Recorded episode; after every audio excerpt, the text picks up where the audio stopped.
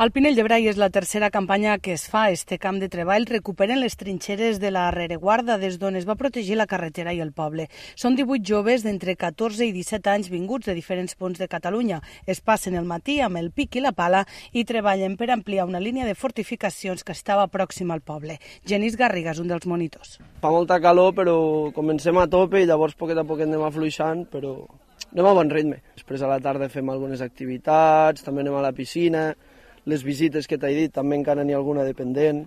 Bueno, ens diuen que sí, que és una experiència divertida. És xulo.